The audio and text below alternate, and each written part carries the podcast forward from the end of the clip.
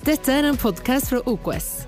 Så glad for at du lytter på oss i dag, og håper dette vil oppmuntre deg og styrke ditt trosliv. Nyt budskapet sammen med oss. Veldig bra. Vi har jo hatt en temaserie på tre deler, og jeg skulle så gjerne ha oppsummert og gitt deg litt referat, men eh, jeg må gå ganske rett på sak. Vi har hatt en serie som heter Et liv i tro, og del én handla veldig kort oppsummert om at tro er ikke optimisme, men tillit. Det er ikke en mental, det er ikke positivitet alene. Det er tillit til en relasjon. Det er derfor jeg har tro, pga. tilliten til min Gud, pappa i himmelen. I del to snakker vi om at et liv i tro er ikke uten ansvar, men det er uten bekymring. Det er med ansvar og uten bekymring. De ligger ute på YouTube, så du kan bare høre på de. Og i dag er vi kommet til del tre, hvor overskriften er 'Den som har roen, den som har troen, har roen. Og det har jeg lært av min pappa som er her i dag. Men i dag er det morsdag, så hun fortjener mer oppmerksomhet akkurat i dag. Gratulerer med dagen, mamma. Jeg tror Katrine har kjøpt en gave til deg. Ja, den er klar, så den ligger nede. Katrine svikter aldri. Gratulerer til deg òg, forresten. Kan jeg få veska mi her? Eh, nei, jeg kan få den snart. Vi leser, fordi vi har vært gjennom Apostlenes gjerninger 27 og lest om apostelen Paulus, som er på en hendelsesrik, dramatisk reise. En sjøreise, en fangetransport, hvor Paulus er en av fangene. Det er romerske offiserer og soldater der. Det er andre fanger, og det er sjøfolk. Og vi har gått gjennom en uh, Paulus advarer dem mot å reise. Likevel så trosser de det rådet, og de møter på storm og vanskeligheter og skipbrudd. Og de ender opp med, etter at Paulus har hatt et profetisk syn og oppmuntra hele skipet, og i tillegg gitt de en del visdom langs veien, så strander de på en øy. Og da hopper vi inn i Apostlenes gjerninger 28 og vers 1. Og vi skal lese til vers 10. Da vi var reddet, fikk vi greie på at øya het Malta. Innbyggerne der var uvanlig hjelpsomme mot oss. Det er som Vennesla. De tok seg av oss alle sammen og tente et bål, for det hadde begynt å regne, og det var kaldt. Paulus hadde sanket sammen en haug med kvister og lagt på bålet. Da krøp en slange ut på grunn av heten og hogg seg fast i hånden hans. Da innbyggerne så dyret henge ned fra hånden hans, sa de til hverandre, den mannen er sikkert en morder siden rettferdighetens gudinne ikke lar ham leve, enda han er reddet fra havet. Men Paulus ristet slangen av seg og inn i ilden uten å ha men av det. De ventet at han skulle hovne opp eller plutselig falle død om. Men da de hadde ventet og sett på ham en lang stund, uten at det skjedde noe uvanlig med ham, slo de helt om og sa at han måtte være en gud. I nærheten av dette stedet lå det et gods som var eid av den fremste mannen på øya. Han het Publius. Han tok vennlig imot oss som sine gjester i tre dager. Far til Publius lå akkurat da syk, plaget av feber og dysenteri. Paulus gikk inn til ham, han ba og la hendene på ham og helbredet ham. Etter dette kom også de andre som var syke der på øya, og de ble helbredet. De gjorde stor ære på oss, og da vi skulle seile derfra, forsynte de oss med det vi trengte. Nå kan jeg få veska mi, Katrine. For jeg hadde nemlig Jeg spurte datteren min i går, om, eh, eller egentlig alle ungene, om de hadde noe jeg trengte til en illustrasjon. Nemlig en slange. For det er jo et slangebitt her som er en sentral del av historien. Og så spurte Katrin i dag hva, hva skulle du bruke den til. Og det vet jeg ikke helt ennå. Men jeg skal ha en illustrert preken, så her er det en slange. Vi får se. Skjønner, La meg begynne, fordi det er masse herlige detaljer i teksten. La meg, og Vi skal ta noen enkeltsetninger. Og la meg begynne med noe som ikke nødvendigvis gjelder alle, men som kan gjelde noen. For det står i vers 4b, så står det altså i andre halvdel av vers 4, så står det om at enda han er reddet fra havet, så opplever han dette her nå. Det er liksom en forhistorie her. Å gå gjennom all den dramatikken, all den stormen, all den turbulensen. Og når det endelig har roet seg, så blir han bitt blitt rista hit og dit. Kanskje kan det være noen som kjenner seg litt igjen i akkurat det. Hvor du har blitt rista hit og dit, og det har vært omstendigheter, og det har vært turbulens. Og så har du overlevd sesongen, og du tenker at endelig begynner det å roe seg. Og der er det et eller annet som hogger til. Idet du trodde problemene var over, så kom det en til som beit deg i armen. Du sitter og hører på temaserien om et liv i tro, men du vet at på innsiden så har du et ferskt bitt i armen som det blør fra. Etter at du har overlevd storm og skipbrudd og trodde at nå kom freden, og du lurer på er det noe galt med meg, er det en forbannelse, har jeg gjort synd? Nei, vet du hva? Du er bare i samme selskap som Paulus. Han var ikke under forbannelse. Han, det var ikke noe synd som var begått som fikk en, noen konsekvenser. Det er et eget tema, men det er ikke sånn Gud opererer. Nei, Paulus vi kan analysere i evighet hvorfor han møtte på all denne turbulensen, men alle ting virker sammen til det gode for den som elsker Herren, og du skal vite at du er i apostolisk selskap. Så det er første oppmuntring til deg som kjenner deg igjen. Du kan bare vite og trøste deg med at Paulus vet hva det handler om. Og så står det videre i vers 6 da de hadde ventet og sett på ham en lang stund. Her er en ting til som kanskje vi kan kjenne oss igjen i noen ganger. Når du har fått et sår og er blitt bitt, og det blør, og det gjør vondt, hva gjør folk? De står og titter. De står og ser på. Forstå meg rett, selvsagt er det mange som bryr seg, og vi er, vi er, en kirke hvor jeg vet om at hjertet i logoen er der. Omsorg preger mennesker, og du kan vite det også i ditt liv, at de aller, aller fleste, de ønsker deg godt. Men det er samtidig litt sånn kanskje vår kultur. Jeg har lagt merke til det i trafikken. Når det har skjedd noe, og det er en ambulanse, eller kanskje en annen situasjon Det har til og med vært en del hendelser de siste årene hvor det f.eks. ute på byen så skjer det et eller annet så det blir en slåsskamp. Hva er det som skjer da? Hva gjør de som er rundt? Jo, vi har et nytt fenomen som fortviler politiet. Det er nemlig at folk drar fram mobilen.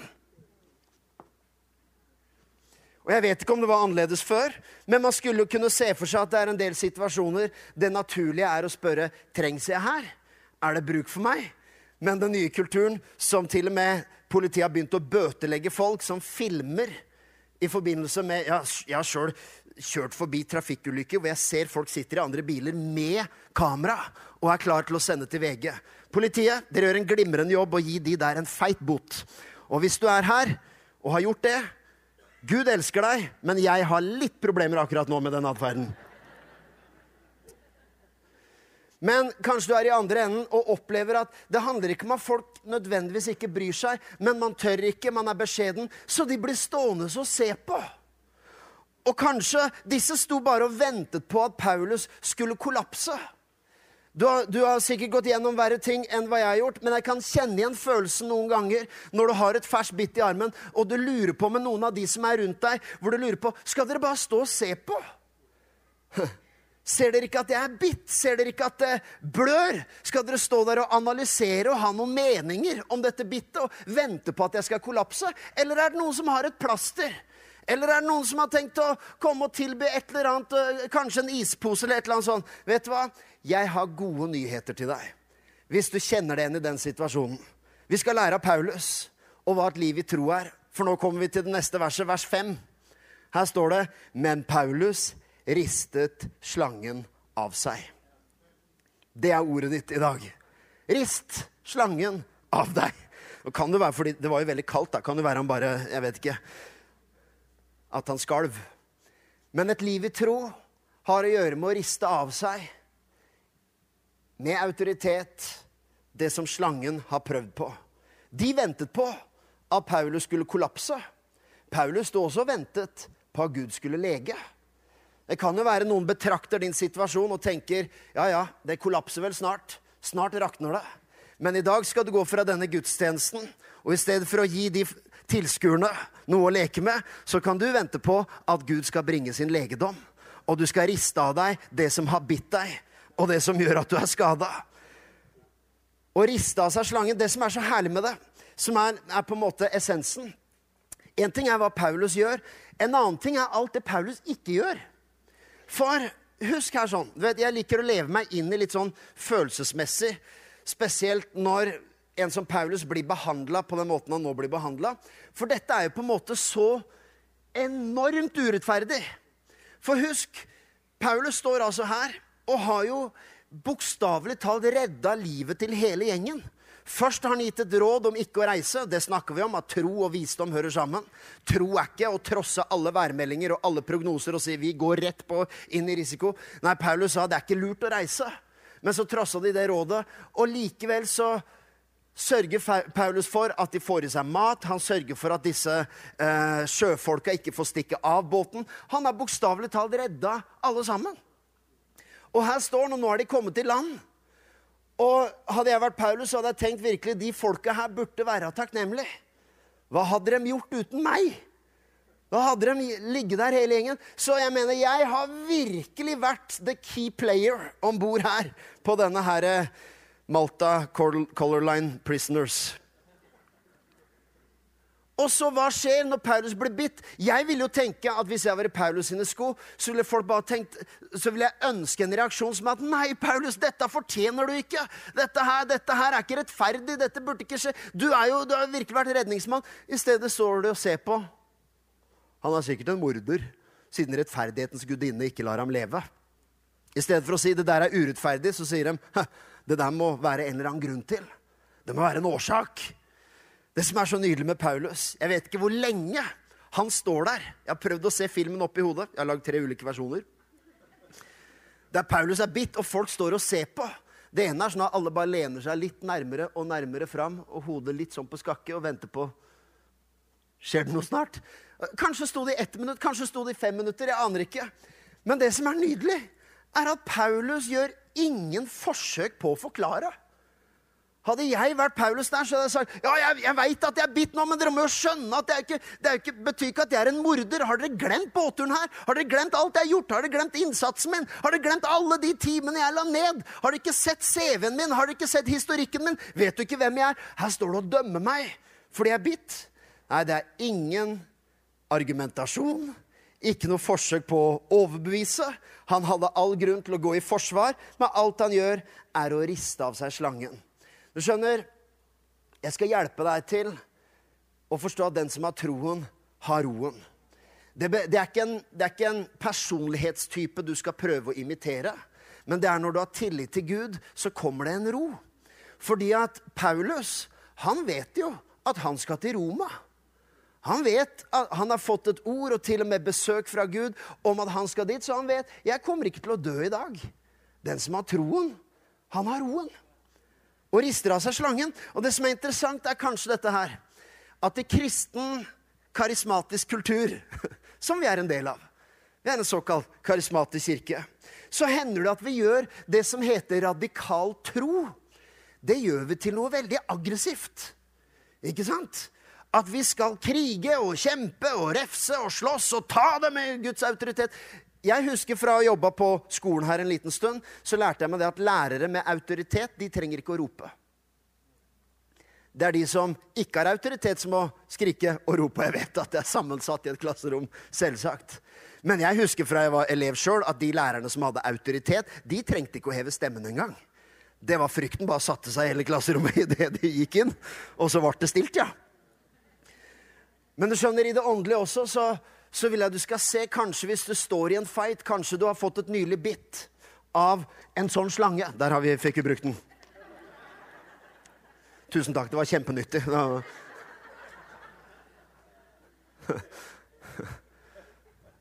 er ikke gøy med illustrerte prekener. Blir ikke så monotont og ensformig og kjedelig. Det er utrolig fargerikt å gå i OKS. Men vi har en tanke om at hvis, hvis, du står i en fight og har et ferskt bitt, så skal du kjempe mot det, du skal krige mot det, og jeg skal stå opp i Jesu navn. Og ja, hvis det fins tid og sted for det også. Vi har snakka litt om det tidligere, om hyrder som kjemper osv. Men hvor ofte i Guds ord at radikal tro handler om radikal ro? Hva gjør Jesus, troens opphavsmann og fullender? Definisjonen på tro. Hva gjør han i stormen? Jo, han legger seg til å sove. Han min mann pappa. Jeg har vokst opp i et hjem med en som både har hatt radikal tro og radikal ro.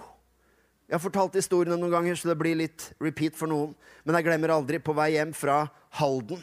Før det var belyst vei på motorveien der. Det er bekmørkt. Og før disse fotoboksene fikk sånn her, eh, at det var mye mer sånn smidig, den tar bare sånn litt sånn rødt blink, I starten av disse fart, altså fotoboksene som, som måler farta di og kan gi deg bot, eh, når de kom i starten, så var det et, det var et blits uten si og, altså, Saken er veien er helt mørk. Jeg sitter i baksetet, pappa kjører, Martin Mæland er passasjer. Og vi kjører, og det er liksom akkurat da så var det vel et lite stille øyeblikk, utrolig nok, med den gjengen der om bord. Men, men, litt stille. Og så plutselig bare blinker det et så enormt lys. Du husker det, ikke sant? Det var, jeg tenkte å kjære tid, kommer Jesus i dag? Hva er det som skjer?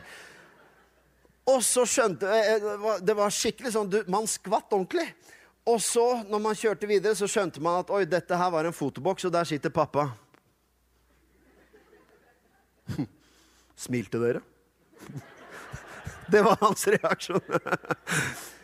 Og det har noen ganger også livets stormer, og når det virkelig har røyna på, så har det også vært hans trosmessige reaksjon. Han kan også kjempe og være høylytt, min pappa når det trengs, og når omgivelsene forutsetter at det er behov for det. Men jeg liker Kanskje er jeg litt prega av min egen far, men jeg liker den måten å praktisere tro. For Jesus han la seg til å sove. Riktignok stiller han stormen og taler til stormen fordi de andre maste så fælt. Men Jesu reaksjon det var å legge seg til å sove. Og nå vil jeg ikke at du skal få dobbel, fordømmelse.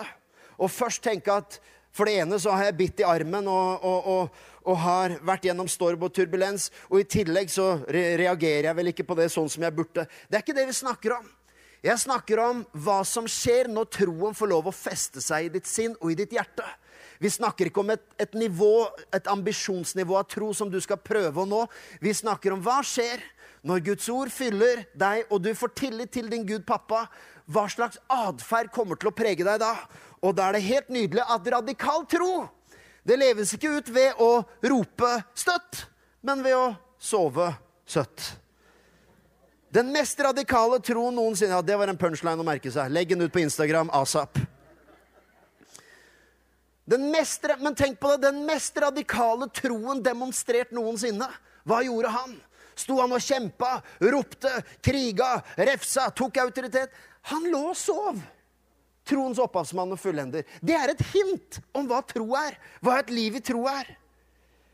Troen rister av seg slangen. Det er litt sånn elegant. Det er litt, litt sånn kult. og i livet så mener jeg ikke at du skal prøve å være like kul som Paulus, men du skjønner, det som skjer når man ikke rister av seg noe, det er at man lar det gå så lang tid at giften får lov å komme inn i kroppen. Når man ikke rister av seg bitterhet, ja, så kommer den sakte og sikkert inn. Når man ikke rister av seg anklage, når man ikke rister av seg fordømmelse Jeg vet ikke er så enkelt at det bare er å riste det av seg, men vær med på ordspillet mitt her, sånn. For vi sier at den som har roen, han, har, han som har troen, han har, han har roen. Jeg er jo personlighetsmessig så er ikke jeg spesielt rolig av meg, egentlig. Verken når jeg ser på sport eller jeg er i trafikken. Jeg kjører jo ordentlig, det er de andre som er problemet. Men jeg, jeg er ikke en sånn typisk Jeg har litt mer av mamma i meg. Litt mer temperament. litt mer fyr. Og kan være energisk og leken. Men dette, så, så, dette har ikke å gjøre med må du ha en personlighet som Åge for å leve et liv i tro.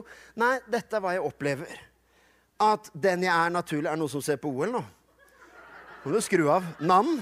Navn Karina Bjones. Var det Frank Bjones? Ok, Jeg skal anonymisere dere litt. Vi kaller de Viggo og Vigdis. Jeg har tenkt å se på det løpet i opptak etterpå. Hvis det er Johannes Tingnes Bø sin uh, jaktstart vi snakker om, så jeg vil helst ikke ha, ha svarene. Så er Liverpool-kamp klokka tre. City-gudstjeneste klokka fire, så der har vi en kollisjon. Jeg hørte kommentatoren, jeg. er Ikke lat som noe annet. Skjønner, jeg er, jeg er ikke Jeg har litt mer av mamma i meg. Men dette er hva jeg opplever. For det vi snakker om, er ikke hva slags personlighetstype du må være døgnet rundt. Jeg snakker om hva er den guddommelige responsen? Hva er Den hellige ånds respons i deg når du får et bitt og det røyner på? Jo, jeg opplever at jeg kan sikkert ha et høyt energinivå i utgangspunktet, men når det blir bitt, og jeg merker at Gud snakker, jeg merker at Den hellige ånd er der. Jeg ser på Jesus, jeg ser på korset, jeg ser på evangeliet, jeg ser på løftene jeg har. Så er det sånn at min reaksjon er ikke at jeg girer meg ytterligere opp. Jeg kjenner at roen senker seg. Det er en kontrast. Det er det som står nemlig i Filippebrevet 4,7. Guds fred som overgår all forstand, skal bevare deres hjerter og deres tanker i Kristus Jesus. Og så i vers 9 um, ja, La den, ta den først. Guds fred som overgår all forstand. Jeg har sagt dette her før, men en fred som overgår all forstand, det er ikke en fred du har fordi du er på et vakkert, stille kloster på en gresk øy. En fred som overgår all forstand. Det, setningen impliserer at her er det en motsetning. Her er det en kontrast. Det, vi har fått litt sånn I, i nyåndeligheten og litt miksa med kristendom så kan vi få en litt sånn tanke om at ja, Guds fred er virkelig på den øya. Nei, Guds fred er midt på havet. Det er der Guds fred er. Jeg sier ikke at Guds fred ikke er på et retreat-senter, og at det finnes tid og sted og rom for å være stille og, og alle de tingene der. Jeg er ikke noe mot det i det hele tatt. Men det er ikke den freden Paulus snakker om her. Han snakker om den freden du har når du er på sjøen og det er i ferd med å lide skipbrudd, og det er i ferd med at alt håp er i ferd med å forsvinne, og du attpåtil, etter å ha overlevd alt det, får et slangebitt. Det er en fred som overgår all forstand. Ikke en helgeretreat med litt Jesus-fokus. Ikke noe galt med det. Men Guds fred som overgår all forstand, det er en kontrast. Det er som folk står og ser på og venter på at du skal kollapse. Men du står der og venter på at Gud skal lege og komme med sin fred. I vers 9 så står det um, For dette det Filippe brev 4 kjenner jo mange til. Guds fred som overgår all forstand, skal bevare deres hjerter og deres tanker i Kristus Jesus. Så kommer vers 8 og snakker om det å ha rett fokus, det å ha, eller rett perspektiv, alt som det tales vel om, alt som er æreverdt osv. Legg vind på dette. Og så kommer vers 9. For husk, her kommer vi til en viktig essens. Din tro er et produkt av noe.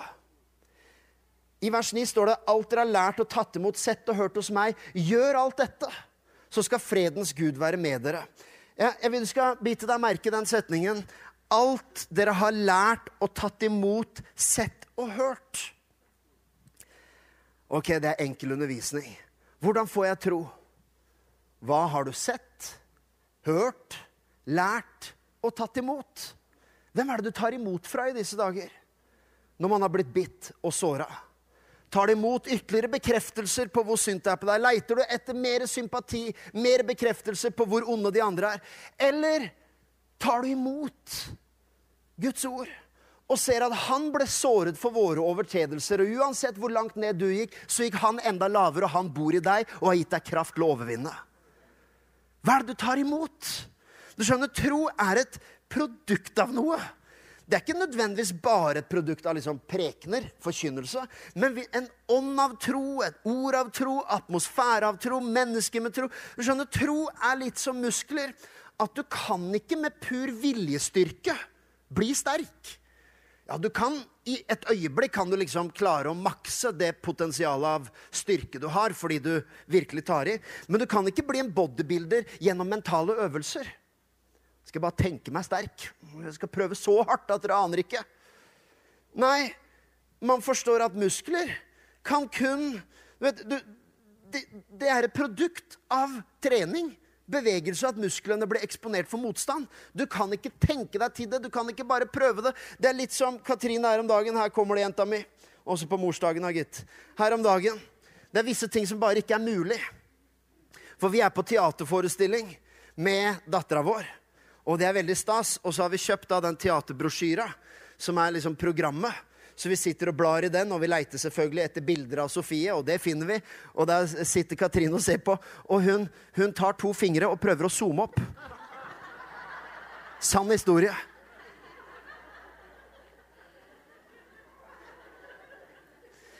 Jeg har leita i tre uker etter hvor kan jeg flette den illustrasjonen. Dagens preken er mer eller mindre basert på at jeg skulle få flytta inn der. og et par dager etterpå så gjør jeg noe annet i Citykirken. Det er bare kjærlighet. Men uh, i Citykirken så hadde vi da gudstjeneste når det fortsatt var munnbindpåbud. Så hun skal tenne stearinlys. Så skal hun blåse ut stearinlyset med munnbind på. La oss være glad at Møllergata 40 står i dag. For det Men du skjønner, troen din Hør her. Du kan ikke ta to fingre og prøve å zoome opp troen din. skal jeg mobilisere åndelig styrke. Nå skal jeg mobilisere tro. Hvis du akkurat har fått en dårlig rapport, så vet jeg at vår ryggmargsrefleks er at nå skal jeg ta meg sammen. Jo da, det, det fins en dimensjon av å reise seg opp og ikke resignere.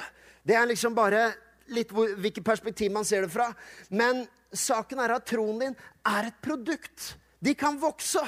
Du kan begynne å trene, og det som er fantastisk med trening Dette veit jeg alt om det er at når du er ute av trening hvis du har lagt merke til det, at du har kommet litt ut av rytmen og kanskje fått litt dårlig kondis, så er det veldig få treningsøkter før du merker enorm forskjell. Så etter hvert så er det litt mer, sånn, eh, litt mer sånn gradvis sakte vekst. Men hvis du er helt ute av det, så er det liksom bare to, tre, fire ganger. Så merker du at du har utvikla deg enormt. Skjønner, Sånn er det med tro nå. Hvis den er litt ute av stil, hvis den er litt ute av trening, litt ute av rytme Man har tatt inn så mye impulser og så mye sladder og så mye nyheter og så mange andre greier, og så har ikke liksom Guds ord fått lov å mate på i sinn og hjerte og tanke på samme måte. Vet du hva? Det skal veldig lite til før man merker forskjell. Et par-tre turboøkter med Guds ord og Guds løfter og Guds sannheter og blikket festet på Jesus Kristus, så har du merkbar forskjell med en gang. Jesus ble spurt av disiplene. De sier, 'Gi oss tro'. Vi vil ha en sånn tro. De var litt sånn Vi vil gjerne zoome ut troen vår. Det kommer, til å, kommer til å bli hovedtemaer i 2022. Men du merker på måten disiplene spør, at det er et utålmodighet der. 'Jesus, gi oss den troen!' Vi vil ha den troen. La oss, la oss zoome den ut. Vi vil ha den med en gang. Og Jesus sier, 'Den som har tro som et sennepsfrø, kan flytte fjell'. Skjønner, Det er som en baby har knapt muskler. Det er liksom det er, ikke, det er ikke en bodybuilder som ligger der. Men man vet at i den kroppen, hvis den får mat og blir brukt, så må det bli vekst. Den blir sterk. Ikke pga. viljestyrke, det er bare naturlov. Mat på med proteiner og fett og karbohydrater og det som er. Og la mennesket bevege seg, så vet du at kroppen kommer til å gjøre jobben sin. Så sånn er det med troen din. Vet du hva? At ditt åndelige menneske kommer til å gjøre jobben sin. Du trenger ikke krampaktig mane fram troen. Du trenger simpelthen å holde troen i bevegelse. Være, hva skal jeg si, ikke resignere og legge deg ned, men å anvende troen din. Og så er det hva er det du har lært og tatt imot, sett og hørt. Det er maten som troen din får. Og Hvis du akkurat nå står i en situasjon og du sier Thomas, vel, det her skulle jeg hørt for et år siden for jeg skjønner at det tar tid å mobilisere tro, men jeg trenger tro nå.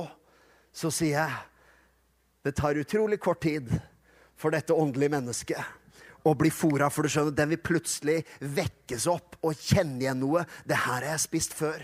Dette her vet jeg hva er. Disse vitaminene tok jeg en gang. De vet jeg gjør meg sterk. Og jeg vet at han som har gjort det før, han kan gjøre det igjen. Men det er noe med også i din ånd som kjenner igjen det kostholdet fra himmelen som gjør at du skjønner troens produkt er ikke så langt unna.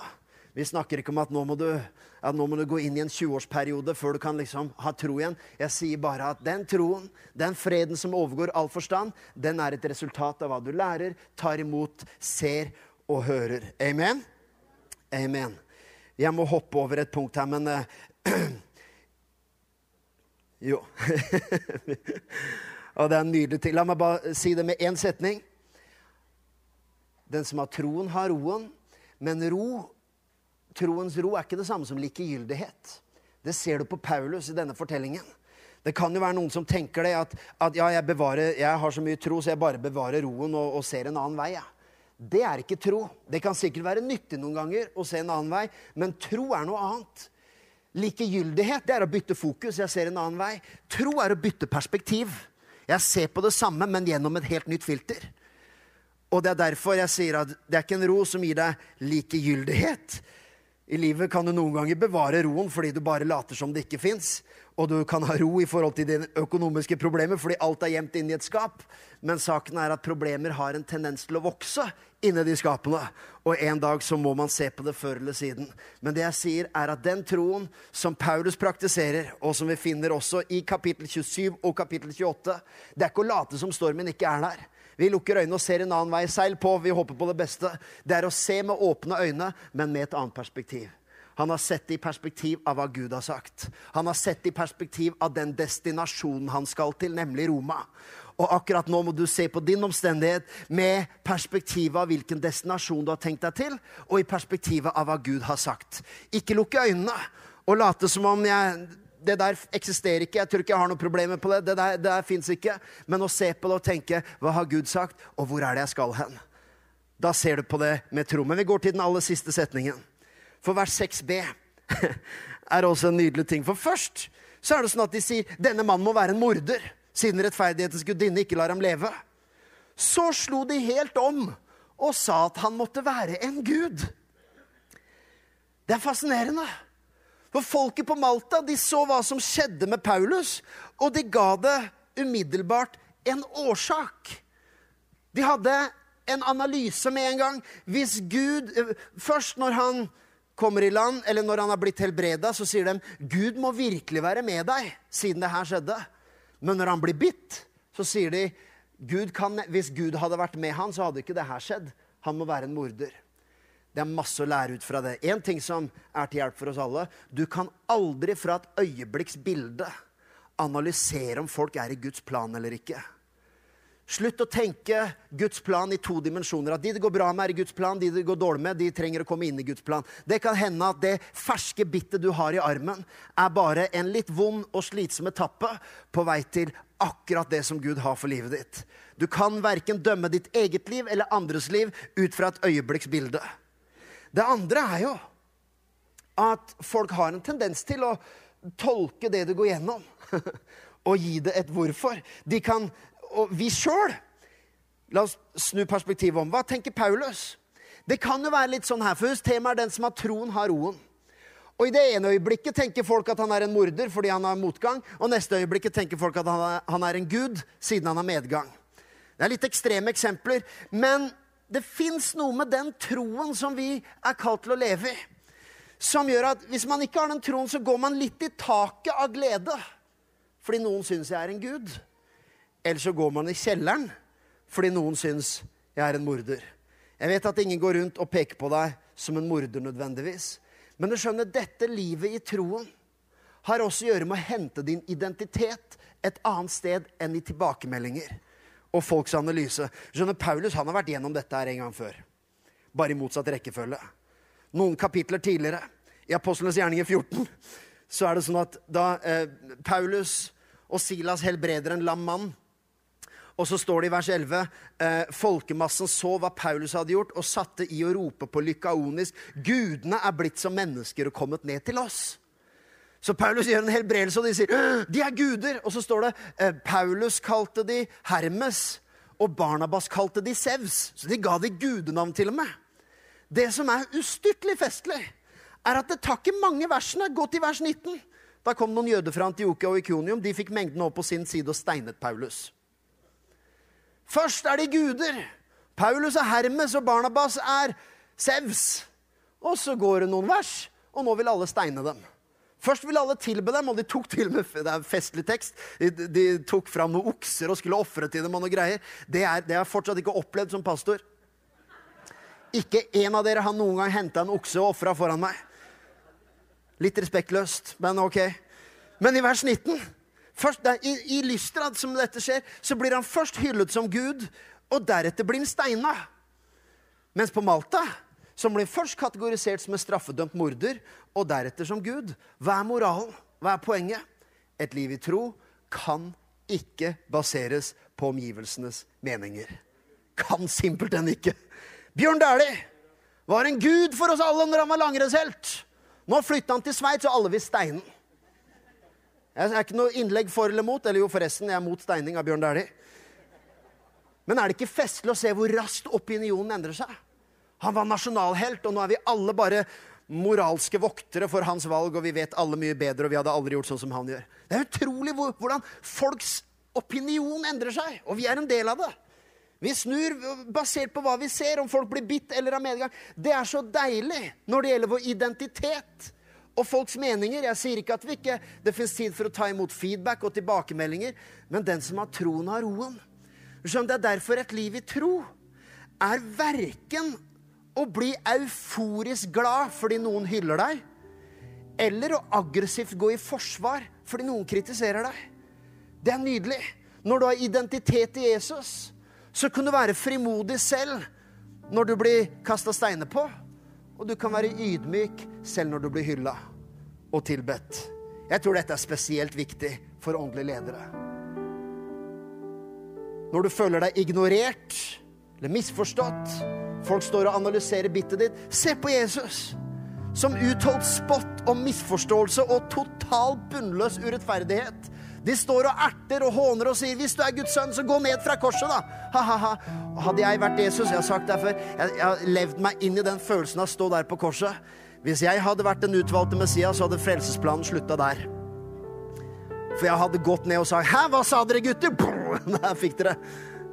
Say that again. Men Jesus, han står, tar imot og utholder for din og min skyld. Han ble feiltolket, han ble ignorert. Så alt det som skjedde Se på Jesus. Og det er mer enn bare en sånn mental øvelse. Han bor i deg. Det står om andre ting. La det samme sinn som var i Kristus Jesus, være i dere. La den samme tro, la den samme mentalitet. At ok, alle trenger oppmuntringer, alle trenger tilbakemeldinger. Men når du blir hylla, se på Jesus. For når Jesus blir hylla og applaudert og promotert av folket, hva gjorde han da? Jo, da så han på Faderen og sa 'Jeg gjør bare det Faderen har vist meg'. Du sier ja, men Thomas, Henre, du har noe stolthet? Er, det ikke, er ikke problemet at alle har litt for lav selvtillit? Er stolthet noe issue? Ja, absolutt. Jeg har levd meg inn i apostlenes gjerninger 14 år, jeg. Hvis jeg og Barnabas hadde blitt kalt guder. Så jeg lurte på, Hvis jeg var hovedapostelen, hvorfor fikk ikke jeg være Sevs? Kunne Paulus ha tenkt. Hvorfor får Barnabas være Sevs? Nei, jeg, jeg kan ta et bedre eksempel. Første gang vi, når vi hadde tatt over OKS i 2012 og blitt pastorer, så husker jeg første helga at vi var ute og reiste. Så husker jeg at Og, og jeg vil si at vi, vi gikk jo inn helhjerta og med både tro og frimodighet og ydmykhet. Men så, men så var vi ute og reiste, og det var vel etter noen, noen uker. Og Jeg husker jeg tenkte det at vi hadde jo hatt liksom en flying start, og det var en veldig flott høst og mye entusiasme i kirka. Så tenkte jeg, hvordan går dette her når vi er ute? Når vi er borte denne helga? Denne søndagen blir nok hjelpeløs uten pastor Thomas, ja. Så jeg tenker at uh, jeg skal ringe og høre åssen det går. Og det var vel Trond Egil som skulle preke den søndagen, og jeg tenker at ja, de kommer alle til å gjøre sitt beste. De, mer kan ikke noen kreve, liksom. De får liksom bare De får gjøre det de har med B-laget. Så kommer jeg hjem, og vet du hva noen sier? At det er den beste søndagen i hele høst.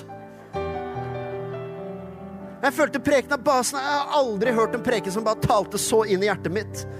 Og jeg tenkte ah, så herlig, da. O glede.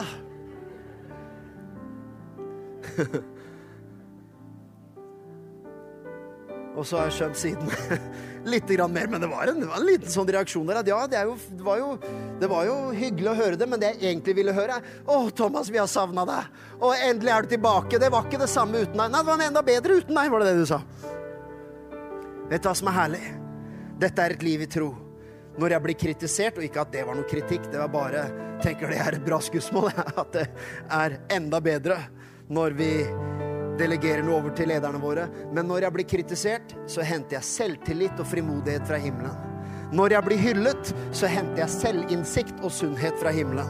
Den som har troen, har roen, og det inkluderer folks tilbakemeldinger. For å leve et liv i tro, så må du tenke litt gjennom hva gjør kritikk med deg, og hva gjør hyllest med deg. Det var noen som sa If you live by people's praise, you will die by their criticism. Hvis du lever på folks hyllest, så vil du dø av deres kritikk. Jeg sier ikke at du ikke trenger oppmuntringer og skryt. Jeg bare sier et liv i tro, som Paulus, har denne roen med at jeg vet hvem jeg er i Jesus Kristus. Det var det vi sang her. Um, I am who you say I am. Jeg er den du sier at jeg er. Et liv i tro er ikke bare liksom en teknikk eller en metode når du møter turbulente omstendigheter. Det er å vite hvem du er. Det er å ta imot den identiteten som er i Jesus Kristus. Det er å vite hva Gud har sagt. Hva har du sett, hørt, tatt imot og lært? Å vite hvilken destinasjon har Gud sagt at du skal frem til. Når jeg blir kritisert, kan det godt være relevant innhold i det som blir sagt. Men djevelen vil alltid bruke den kritikken til å diskvalifisere deg. Da er det så bra å vite at jeg kan feste blikket på Jesus og gå til den jeg er i Kristus. Det er et liv i tro. Den som har troen, har roen. Amen. Amen. Skal vi lukke øynene over hele salen? Skal jeg stille det spørsmålet som vi stiller hver eneste søndag? Og det er simpelthen å gi mennesker en, en anledning. Jeg har prekt et budskap som er til oppbyggelse for alle, og sikkert også en del til folk som er troende fra før. Men hver søndag så gir vi en anledning til å kunne gi en respons til deg som ønsker å ta imot Guds nåde. Deg som behøver å vite hvem du er i Gud. Deg som behøver Kanskje du har hatt en viss barnetro, ungdomstro. Kanskje du aldri har vært en kristen. Kanskje du har hatt en sånn julaften- og påskefeiring-tro. Eller en litt sånn diffus tro som du ikke helt vet hva er. Vi inviterer deg ikke bare til å tro på en ukjent Gud oppe i skyene, men å ta imot Jesus Kristus som viste veien til Gud pappa. Og han tok all smerte på seg. Det er derfor du kan bevare roen. Du behøver ikke å imponere Gud, og du kommer ikke til å skuffe Gud. Du kan ikke skuffe en som er allvitende. Men tenk hvis Gud er såra på meg. Nei, han kan ikke bli såra, men han kan heller ikke bli imponert. Alt du kan gjøre. Ingen synd du har gjort, kan skremme Gud bort. Ingen god gjerning du har gjort, kan imponere Gud ned. Du kan kun ta imot Hans nåde og si takk og akseptere og åpne opp hjertet. Det kan du gjøre selv om du skulle ha spørsmål og undring og ting du ennå ikke har fått svar på. Så kan du åpne opp hjertet for den nåden. Han ga sitt liv for deg. Han tilga deg alt som har vært gårsdagens synder, dagens og morgendagens. Og du kan få lov å leve et liv, ikke bare å komme til tro, men å leve i tro. Takk for at du tok deg tid til å lytte på en av våre podcaster fra OKS. Vår visjon er å bringe Jesus til mennesker i vår verden, og mennesker i vår verden til Jesus. Følg oss ellers på vår YouTube-kanal og sosiale medier. Du er velkommen til å besøke en av våre kirker. For mer informasjon, sjekk ut oks.no.